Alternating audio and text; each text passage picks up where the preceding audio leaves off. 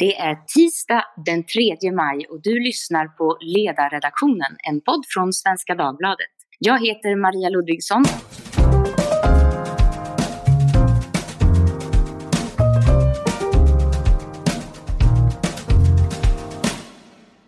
Och idag befinner jag mig på en nyöppnad skola, eller Ukrainian Children Activity Center. Och det är inhyst i Nordiska museets lokaler här på Djurgården i Stockholm.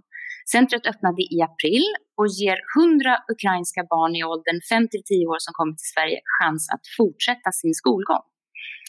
Initiativtagare är bland andra Fredrik Hillelsson, VD på Novare. Och du Fredrik är med i podden idag. Välkommen! Och välkommen till dig Delal Apak. Du är också med här. Du är projektledare för Aktivitetscentrum och du håller i den dagliga verksamheten där. Mm. Mm. Mm. Fint. Det är ju så att enligt Migrationsverket så är det drygt 32 000 personer som är på flykt från Ukraina och som har sökt skydd i Sverige och av dem är nästan 12 000 barn. Något av det viktigaste för de här barnen är att fortsätta få gå i skolan. Det är inte bara deras rättighet att göra så, det ger också mening, normalitet och deras utveckling kan fortsätta trots att ett krig har satt stopp för nästan allt annat i deras liv. Med detta som utgångspunkt började du Fredrik arbetet för att snabbt kunna ge ukrainska barn i skolåldern en första skolvardag i Sverige. Kan du berätta hur du började det hela? Hur börjar man något sånt? Ja, alltså, initialt så var nog tanken att, att jag skulle försöka, eller vi skulle försöka hjälpa till med att ordna jobb åt flyktingarna.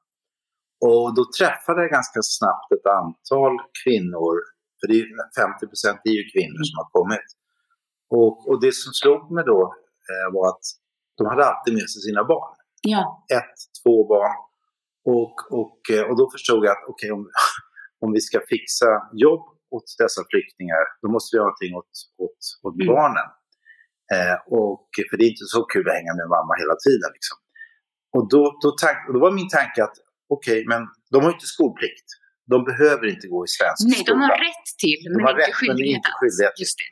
Och då tänkte jag, ja, in med dem i svensk skola. Mm. Och, och, och, och då ska ju skolorna, kommunerna erbjuda inom 30 dagar. Jag har hört att vissa skolor, eller skol, kommuner är blixtsnabba mm. och vissa skolor tar längre tid. Ja. Och vissa klarar inte 30 dagar. Mm. Och då tänkte jag, men varför inte skapa ett, ett alternativ, ett komplement? Eh, och det var då vi, jag och Delal började diskutera här att eh, ja, nej, men vi, vi ska se om vi kan starta ett, ett aktivitetscenter. Och då mm. frågade vi en mm. ukrainare, vad tycker du? Då sa han först, och det är en man och ja. han har fler än tre barn och då ja. är man inte desertör. För har man fler än tre barn får man lämna Ukraina. Är det så? Ja, mm. det är viktigt. För jag mm. trodde han var desertör. Ja. Men jag frågade honom direkt, nej jag har inte desertör, jag har fyra barn. Så. Men då, då, sa, då var hans spontana tanke, precis som min, mm. Det är klart de ska in i, skola, i svensk skola. Men sen mejlade han mig en par timmar senare, du jag har funderat på det här och vi tänker, när kriget började då tänkte vi sekunder, minuter, dagar. Sen när vi flydde Ukraina, då började vi tänka månader. Vi vill tillbaka till Ukraina. Men vi tänker ganska kortsiktigt, en månad, tre månader, sex månader. Och det var då tanken tog att varför inte starta, eller hur det var? Mm. Varför inte starta någonting? Ja, framförallt få till ett, ett tryggt sammanhang och ett, ett sammanhang för barnen att vara i på dagarna så att också föräldrarna får möjlighet att, mm, precis som Fredrik var inne på, söka jobb eller ställa sig i kön till Migrationsverket och, och försöka reda ut det här med boenden. Det, det, är svårt när man har barnen med sig hela tiden. Eh, och sen ska man också komma ihåg att de här barnen har ju liksom redan tappat en del av terminen och, och, och det de skulle ha börjat med. Så det vi tänkte var, okay, men kan vi se kan vi försöka fylla på med både det här trygga sammanhanget men också faktisk undervisning fram tills att de antingen kommer in i svensk skola, för det är väntetid där. Även mm. om du ansöker så, så behöver du vänta i alla fall tre, fyra veckor. Um, eller tillbaka till Ukraina eller vad det nu må vara. Men att de får ett sammanhang som ändå på något sätt känns bekant. Mm. Och hur skapar vi då det? Jo, genom att faktiskt ha ukrainska lärare. Ja. Så det vi gjorde var att började, vi började gå ut och leta efter dem. Hur gör man det? Hur hittar man dem? Nej, men vi, vår tanke har varit att vi svenskar ska supporta ukrainarna och ukrainarna ska göra mycket av arbetet själva. Så att den här fantastiska mannen Dennis då, eh, Mm. han, han, honom anställde vi på en gång. Och så sa vi så här, nu vill vi att du börjar leta efter ukrainska lärare. Är han lärare, Dennis? Nej, nej, han, Nej. Är, han är ingenjör. Och har jobbat i, i Bryssel så han förstår både liksom vår kultur och, och ukrainsk kultur. Så han, han satte igång och dagen efter sa han, "Nej, Fredrik, nu har jag 20 stycken lärare som, som söker. Så det var intervjuer för att liksom hitta de första fyra lärarna som idag, totalt är det 11 idag tror jag. Bara fem är lärare, resten är supportstaff. Mm. Vi har dels supportstaff, sen har vi en psykolog, vi har administratörer. Så att vi liksom har fyllt upp som ett skolteam. Ja. helt enkelt. ja. Det man Men sen var ju det roliga, liksom, okej, bra. Lärare ska försöka hitta, eh, barnen, det, det, det, är, det är nästa fråga. Men sen, sen var det då frågan, var ska vi vara någonstans? Ja. Och då tänkte jag, okej, vi har kontor inne i stan. Ja, det finns ganska mycket tomma kontor. Ja, ja. Och så började vi ringa runt i vårt nätverk, så vi har byggt upp det här beredskapslyftet den här föreningen ett års tid. Men sen var det någon som sa, sommar, vår, är det så smart att vara inne i innerstan? Och då var det någon som sa Djurgården. Ja. Och då i mitt bakhuvud så kom jag på att efter andra världskrigets slut, då öppnade Malmö museum upp för flyktingar. Mm. Och då tänkte jag, just det, Nordiska museet. Och jag som jobbar med rekrytering, jag har alltså rekryterat Sanne Hobe för åtta år sedan hit, hon är danska. Mm. Så då ringde jag henne en fredag och frågade, du Sanne, vad sägs om att ta emot ett, ja, hundra ukrainska barn? Hon sa mer eller mindre ja på en gång. Men så sa hon, men pass, jag måste fråga mina medarbetare vad de tycker. Så ringde hon efter en timme och sa, Fredrik, vi kör. Mm. Så vi var här redan på måndagen, Ja. jag, dagen efter, eller he- efter helgen. Mm. Och, och det, det, det som är bra med ett museum är att ett, det finns toaletter. Två, det finns en restaurang. Tre, de är vana att ta emot barn. Så när de sa 100 barn, ja, ja, Fredrik, i helgen hade vi 1500 barn. Mm. Mm. Så, så det, var, det, var, det var lite gulligt. Men var det det första alternativet som du kom på eller hade ni provat något annat Nej, först? jag, jag pratade med SE-banken, jag pratade med flera andra företag. Alla var jättepositiva, alla letade efter kontor. Men sen insåg vi bara att nej, nu, nu, det här, vi måste tänka om. Det här Ja. blir inget bra för barnen. Och nu är ni här. Ja. Mm. Och de här 100 barnen, jag tror det är 70 de första veckan. Det här är tredje veckan. Alltså det gick på veckan tror jag. Ja. Men du, eh, det här har jag varit, jag har talat med dig tidigare om just beredskapslyftet. Mm. Eh, och du är en person som ser möjligheterna medan jag tvärtom då problematiserar från det politiska Du är hållet. journalist. Ja, precis. Så det jag vill veta då det är vilka, alltså hur svårt är det eller vilka hinder möter ni på vägen? Vad är det som sätter stopp? Om det, ja, för det gör det ju alltid, men ni kommer vidare Ja, sen. Det här är ju ett aktivitetscenter. Vi är ett komplement för de här barnen. Och vi har utgått från vad föräldrarna tycker är bäst för sina barn. Alltså vill de ha barnen här på det här aktivitetscentret eller integrera in dem i svensk skola? Det är upp till dem som bestämmer. Jag skulle säga det att, att sen har vi bestämt från början att inte kritisera vår regering, inte kritisera staden, Nej. regionerna. För det tjänar ingenting till. Nej, nej. Utan det är bättre att agera och förankra och berätta. Så jag var i kontakt med ordförande för Lärarförbundet Mm. och frågade vad tycker du om det här Fredrik? Jättefin idé. Jag pratade med Stockholms stads finansborgarråd. Du förekom kan man säga. Du Ja, eller förankrade jag lärt Ja, liksom, Att ja. förankra saker. Mm. Eh, och, och, och sen om, om vi gör något fel eller om vi kritiserar Mm. oss, då får vi jättegärna göra det. Men vi har åtminstone försökt göra någonting. Mm. Eller vad säger du Deva? Nej, jag tror, eh, vi har väl kanske inte riktigt den inställningen eller Nej. att vi ser problem, utan vi löser saker under, Ja. under tidens gång. Det behöver man däremot vara på något sätt lösningsorienterad, Ja. annars blir det svårt. Ja, och annars blir det nästan tröstlöst. Ja. Istället för att se det som att vi bara går vidare. Och vad består ditt arbete i? Kan man säga att du vore rektor om du var en skola? Oj, ehm, ja kanske en väldigt handlingsorienterad rektor. Det är bra. Eh, så allt från eh, ja, men relationen med museet, se till så att, så att det funkar bra. De här bitarna som Fredrik var inne på, se till så att barnen får mat varje dag. Ehm, se till så att eh, barnen får, får också delvis svenskundervisning som vi har bakat in i schemat. Eh, besöka olika museer, kontakten där. Eh, egentligen stötta lärarna med allt vad de behöver. Mycket är ju praktiskt. Det är så. Eh, ja, Eh, mycket är, jag var och köpte bomullsrondeller igår för barn blödde näsblod. Ja. Plåster. ja, precis. Sådana saker. Men också till att de kommer och frågar mig, men Delal, tror, tror du att vi kan få gå till Skansen med alla hundra barn imorgon? Ja, men det ska jag se till att lösa. Så mycket så hela tiden hands-on. Annars själva undervisningen och de bitarna, det är det väldigt viktigt att lärarna själva får sköta. Ja. Eh, I och med att, att, att de också tittar på den ukrainska läroplanen, vad har barnen missat, vad kan vi fylla? Mm. Och det som är fantastiskt är att jag pratar natur och kultur Ja, ja. har laddat ner hela den ukrainska års, alla årskurser digitalt. Så att- Det är, lä- då- det motsvarande läroplan Ja, läroplan. Och den, den, den har blixtsnabbt kört ut över hela Europa. Ja. Så att det finns en gratisgrej på natur och kultur. Och jag menar, min fru jobbar på Dramaten och de, de kommer gå och se en föreställning där. Vi kommer besöka Nobelmuseet i maj någon Mm. gång. Så att vi, vi gör olika typer av aktiviteter. Snart kommer även svenska skolbarn vilja gå här. Ja, vi, har faktiskt, vi är faktiskt redan i, vi håller på att planera en aktivitet med Svenska Ja. skolbarn. Jag tror att det blir den 30, slutet på maj. Så det, det är redan på gång. Ehm, så hela tiden så här, man kommer på idéer. Sen är det ju också så här att folk och företag och organisationer är ju väldigt stöttande. Ja. Ehm, så kommer vi på en idé eller någonting vi vill göra eller någonting vi behöver så har vi hittills inte fått ett enda nej. Det är snarare så att det är väldigt bejakande än Mm. att ni möter motstånd. Ja, det är ordet- Alltså motstånd, jag har inte känt något Nej. motstånd. Tvärtom. Snarare Sen, nyfikenhet. Ja. Mm. sen finns det ju alltid en risk att folks välvilja blir fel. Ja, hur då? Typ att, men kan, kan vi ta en insamling så att alla barnen vill ha, kan få massa kläder? Då säger jag, men jag har träffat många ukrainare. Vi hade en lunch med 30 ukrainare hemma hos oss för en vecka sedan. Det är ett stolt folk, de vill klara sig själva, de vill inte ha allmosor, de vill ha rätt för sig. Så att när vi tror att vi ska pracka på en massa kläder, då går vi fel. Det där är jätteintressant, för det har ju varit en diskussion också när vi har försökt göra insamlingar så, skicka Mm. till exempel kläder men även kramdjur och sånt.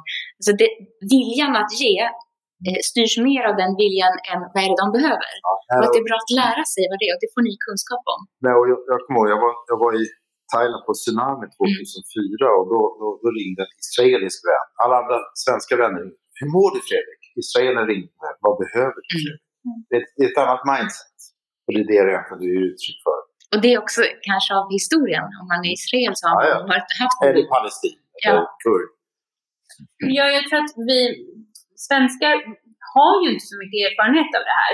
Eh, och då kan ibland välvilja istället bli, bli björntjänster. Men där är, där är vi duktiga på att säga eh, antingen nej tack eller säga men kan vi inte göra det här istället? Det här behöver vi faktiskt. Och då får vi istället ett ja. Nej, men mitt, alltså, när, när det här hemska kriget började 24 februari så var det massa människor som var Fredrik, vi måste åka ner till, till gränsen. Vi måste göra någonting. Och då bara så här, nej, vi ska inte göra någonting. Vi ska låta de duktiga NGO-erna, Rädda Barnen, UNICEF, UNHCR, Röda Korset, de ska stå där. Vi ska inte göra det. Och det var så vi egentligen, så vi var ganska avvaktande i början. Mm. Och, och sen det första aktiviteten vi gjorde, det var ju egentligen, och det gör vi fortfarande, det är ju egentligen att hur kan vi finna trygga, säkra boenden för flyktingar? Det var det första vi gjorde. Ja, berätta, för det var just det jag hörde om först. Ja, det, var, det, var det var Oskar Stege Unge på Wallenbergstiftelserna som kom på den idén. Och han har pluggat ihop med en kille som, som är på Airbnb. Mm. Ja, för ni kopplade ihop det som redan finns av funktioner Ja, och så gjorde en ny funktion. Ja. Och vilka använde Airbnb och... Ja, det var Airbnb och sen så var det Migrationsverket och sen var det Stadsmissionen och Rädda Barnen. Och, och tanken har ju varit då att Migrationsverket ska anbe NGO-erna om hjälp med tillfälliga boenden. Och sen skulle NGO-erna då gå till den här databasen där vi hade säkrat att det inte var pedofiler och annat, annat elände som, som kunde erbjuda boenden. Eh, Sen har det visat sig att, att, att det här inte funkat i praktiken för jag tror att Migrationsverket har ju tänkt om med att man ska försöka få ut flyktingarna över hela Sverige. Ja. Så det har inte blivit något flöde men vi ska vara medvetna om att av de här 32 000 flyktingarna så är det nästan 60 procent som, som, har, som går privat och löser sina egna boenden. Och det vi har hört är att om du kommer till Sverige då skickas du upp till Norrland. Det är inget fel på Norrland, tvärtom. Men det är en rädsla att hamna som syrierna i små kommuner utan möjlighet att försörja. Mm. Så det gör att, att många ukrainare de säger till mig på hemsidan att de varnar att ta hjälp av svenska myndigheter för att då så åker du, och då, då, då försvinner du. Liksom. Så det, det, det som uppmanas då i de här vad ska jag säga, communities där han säkert får information, det är snarare att klara av det själv, att hitta egna vägar. Och då, då kan man säga att de som är rika, de, de första som kom till Sverige var de med egna bilar, de med pengar. Men sen ska vi vara medvetna om att många nu som kommer har inte råd att ta sig till Sverige. Utan då är det ju många frivilligorganisationer som åker ner och hämtar med bussar och sen tar, upp, tar dem till Sverige. Ni pratar också om det här med, det ska vara ett dagskollo på Tekniska museet. Vad är det för något? Ja. Det är kanske är en överraskning. Det kanske Ja, Ingenting är klart än, men vi har inga hemligheter. men, nej, precis, men vad har vi för idé? Ja, eh, nej som sagt, det är inte klart, men vi har en, en god dialog. Eh, det vi vill egentligen, det, det är så här, vi, vi kommer vara här och driva aktivitetscentret fram till den 30 juni. Ja. Men vad händer sen? Ja. Eh, de här barnen kommer inte komma in i skola, svensk skola över sommarlovet. Eh, men de Och de åker inte till sommarhus Nej. med mamma och pappa. Nej. Finns liksom ingen föräldrarna kanske fortsätter att arbeta då. Ja. Förhoppningsvis. Ehm, så det vi tittar på nu, det är om vi kan starta upp en, om man vill kalla det sommarkollo eller sommarskola ehm, för barn. Ehm, dels för, för många av de här barnen att få fortsätta, men också förhoppningsvis att kunna få in lite fler barn. Ja. Och, koppla ihop så här, både om, om det nu blir på Tekniska museet, att både få in de här tekniska bitarna som de är väldigt duktiga på att jobba med barn, eh, men också klassiska sommaraktiviteter som att bada och Nej, men Mm. det som är alltså det är så att i, på Djurgården finns ju ett oerhört tajt nätverk av museer. Och jag menar, Nordiska museet är ett, Spritmuseum, Ingrid Leffra har vi fått, där har vi ett jobbcenter på gång. Och, och sen hörde de av sig och då fick vi ett samtal från Peter Skog på Tekniska museet som Fredrik, vi är jättegärna med om dialog med er. eh, och, och det vi känner nu är ju att vi har anställt 11 ukrainare, vi har 100 barn. Vi känner ett ansvar för de här människorna och barnen. Och vi vill ju inte att de ska liksom vara sysslolösa i juli, augusti. Och jag menar, har, har inte mamman ett arbete, då, då lever de på 2, 3, 4, 5 tusen kronor i månaden. Ja. Och det räcker inte långt. Nej. Ja. Men just de här informella nätverken, är det ett, kan man säga, att det är ett nytt sätt att arbeta på? Ofta så går man ju till institutioner som finns, som kanske är kommunen och socialtjänst och ja, det, det tar ju lite längre tid. ja, Ehm, så är det. Sen, sen tror jag att man gör ju det också. Ehm, men jag tror att det, det är ju vi i näringslivet väldigt bra på. Okej, men vad kan vi göra här och nu? Sen, sen har vi fortfarande dialog med myndigheter och liksom framåt. Men, men om vi vill göra någonting nu, då behöver man kanske mer. det, för det är verkligen en förmåga att komma från näringslivet och så in i civilsamhället i någon mening då. Och så an, alltså arbeta som man gör i näringslivet. Istället för att be om lov så ordnar man det. Men i det här fallet kring, kring sommarskolan, där har vi en nära dialog med Stockholms stad och Östermalms stadsdelsnämnd om vi kan samarbeta. Så, att, så att där, där hoppas vi att vi kommer kunna söka någonting så att staden ihop med näringslivet finansierar sommarskolan. Det vore fantastiskt Mm. om vi får till. Mm. Men, men jag, alltså de här två åren i Stockholms stad, jag har bara goda erfarenheter. Ja, de, det, de vill ja. verkligen, de försöker. Och sen har de sina regler och det ska vi respektera. Och kan vi inte följa de reglerna, då, då får vi ingen hjälp. Nej, det är så. Och finns det en, jag ska säga på den sidan, är de... Ibland kan man ju uppleva myndigheter och kommuner som lite styvnackade sådär, att det inte är så smidigt. Är det något ni möter eller är det något man också löser? Jag skulle säga så här att en, en tjänsteman ska ha ju sina regler. Och när jag pratar med vissa tjänstemän, då är det som att prata med en vägg. Ja, med en regel. Ja, och sen när jag pratar med andra så, så är det så att man känner att de gör allt vad de kan för att kunna hitta utrymme för att kunna fixa det helt enkelt. Så det handlar mycket om, om individens civilkurage, integritet. Mm. Men, men många i det här landet styrs av rädslan att göra fel och då gör man ingenting. För då har man gjort fel. Jag tycker att man har gjort. Mm. Vad säger du Dilan? Mm, nej men, jag tycker det är intressant också för det har ju varit lite så vi har jobbat de senaste två åren att vi startar upp någonting men sen kommer faktiskt också om det är Stockholms stad eller om det är NGOer och ta del av det vi har gjort och kanske än mer kan bygga vidare på det. Och det är ju så vi, vi vill arbeta, att det, ska ge ringar på vattnet. Ja, positiva Ja. ringar på vattnet. Ja, absolut. Eh, så det, det är Men väldigt jag tror att Mm. när vi startade aktivitetscentret, då var Finansborgarrådet här, Anna-Kalle Kärlemy, på invigningen. Och sen så hörde de av sig från staden och sa Fredrik, vill ni göra någonting? Vi, vill gärna, vi vill gärna vara med, för det här är viktigt för, för att stötta barnen. Mm. Så, så Mm. det, blev, det, är en positiv ring. Ja, det är inte, något intressant i detta är också hur, hur det är då civilsamhället, näringsliv och eh, det statliga eller kommunala, hur det möts någonstans. Och det är ju olika, man jobbar ju på väldigt olika sätt inom de här sfärerna. Finns det någonting där som krockar ibland? Just för att man har olika, man har ju olika uppdrag och olika kulturer. Det kan ju vara Ja, alltså, näringsliv snabbare. Ja, men så- problemet är att vi i näringslivet tror att vi är allsmäktiga och vi är liksom alltid bäst, vilket vi inte är. Så att det handlar ju om en arrogans och dryghet från, från alla. Jag brukar prata, om de här stuprören. Alltså i början av pandemin, när vi startade mars 2020 och snabbutbildade nästan 300 kabinanställda som Mm, gick ut i vården.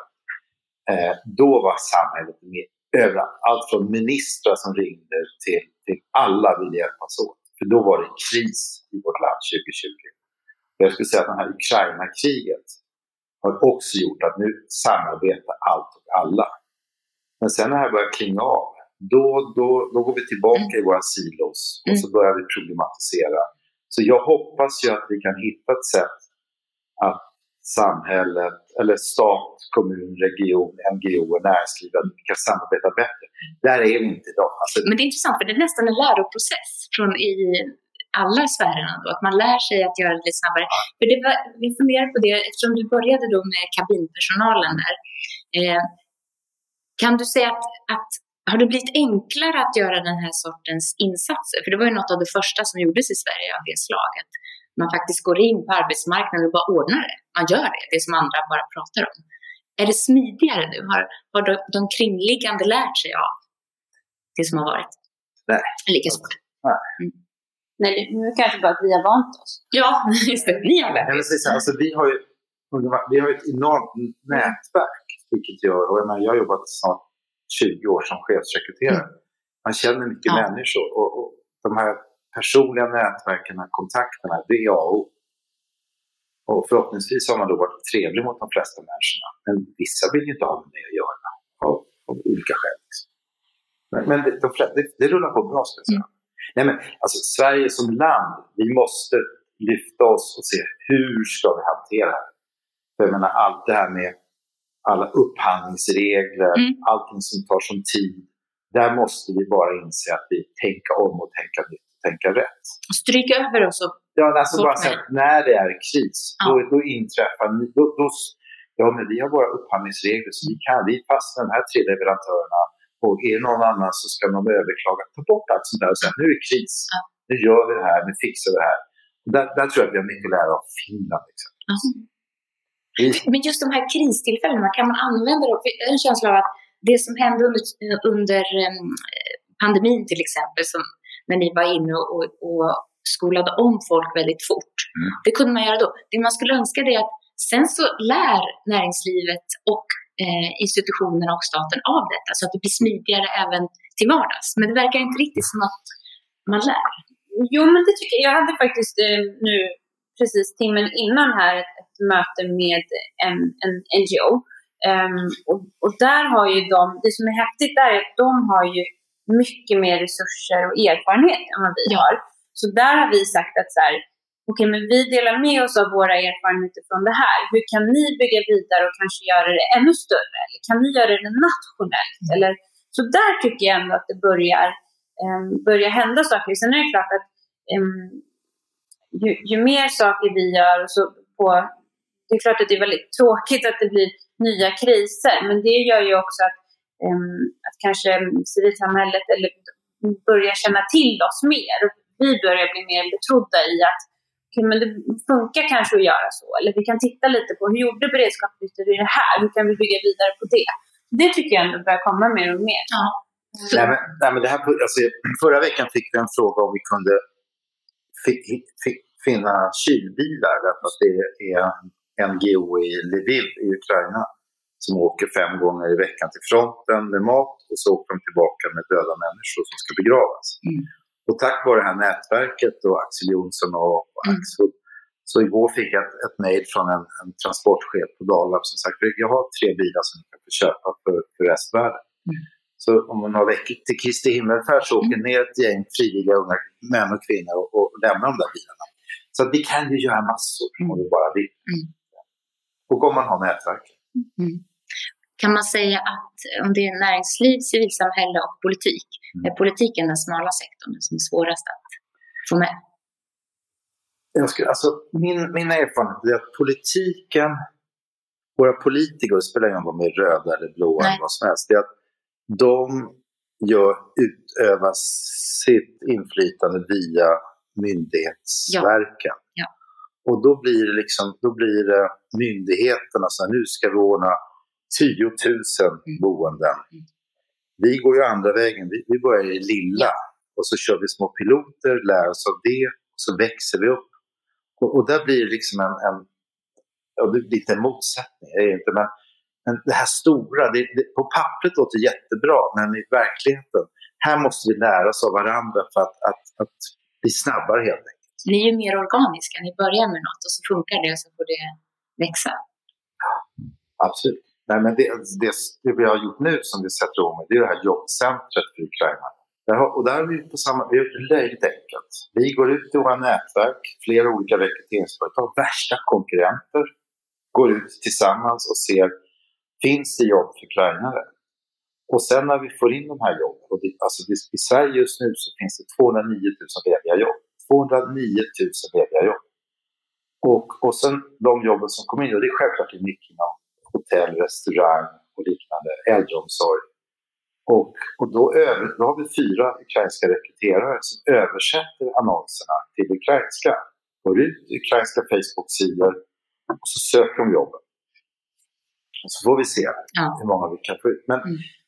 då börjar svenskar tänka, ja men nu måste vi validera deras CV och Ja. kompetenser. Jag Och kan där- tänka mig det där, det där är, det där är som, att, Mm. som att vi svenskar är mycket bättre. Ja, än vad Det tycker vi ju. Ja, och det där, Vi har ett system. ja, och det där det är väl det som ställer till det. Men det har ni, kommer ni förbi, just det där, ni måste validera och sånt. Det Nej. kanske man inte alls måste i vissa tjänster. Det är bara, det är bara, det är bara löjl. Det är bara det. Ja. Delala, jag skulle vilja fråga dig från eh, den dagliga verksamheten. här. Nu har du varit borta ett par dagar och det har hänt jättemycket. Ja, en och en halv. Ja, en och en halv var det. eh, är det något du kan eh, berätta för våra lyssnare? Någon sån här särskild eh, händelse eller någon person du har träffat eller någon elev? Eller? Nej men apropå då en och en halv dag. Jag var här sist i fredags och så kom jag tillbaka idag. Helt plötsligt, alla barnen var på väg ut när jag kom. Då pratade alla svenska med mig. Hej, hur mår du? Det gjorde de absolut inte förra veckan.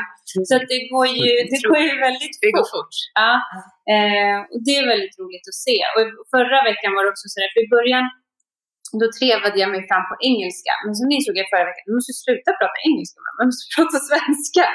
Ehm, så så det är väldigt roligt att se att barnen blir liksom tryggare och tryggare och öppnare. Och, eh, sen är det roligt att följa undervisningen. Det är allt från Ja. matte till ukrainska och NO och allt möjligt. Det är roligt att, att sitta och tjuvlyssna ibland. Ja, det förstår Mm. jag. Mm. Kan du tänka dig att bli lärare kanske? Och jag, jag, har, jag har faktiskt jobbat eh, Ja, som lärare under det. hela studietiden och min Ja. mamma är lärare så jag har det väl i blodet. tror jag. Ja, man har det i sin bakgrund. Har man det liksom. och, då, och då har man också en känsla för eh, glädjen i ett klassrum. Ja, det händer mycket där. Min mamma var också lärare, skulle aldrig kunna bli lärare. Jag är för otålig.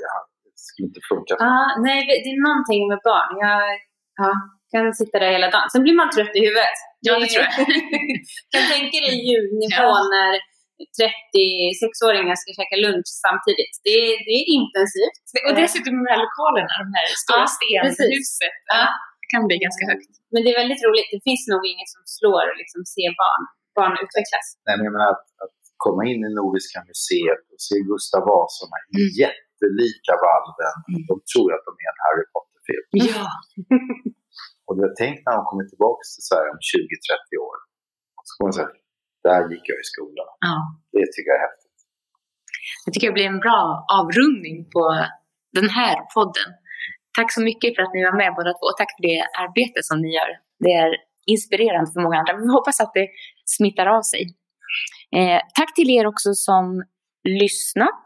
Om ni har synpunkter eller idéer så kan ni höra av er till oss på ledarsidan svd.se. Och tack till dagens producent Jesper Sandström som det uttalas på norrländska. Hej hej!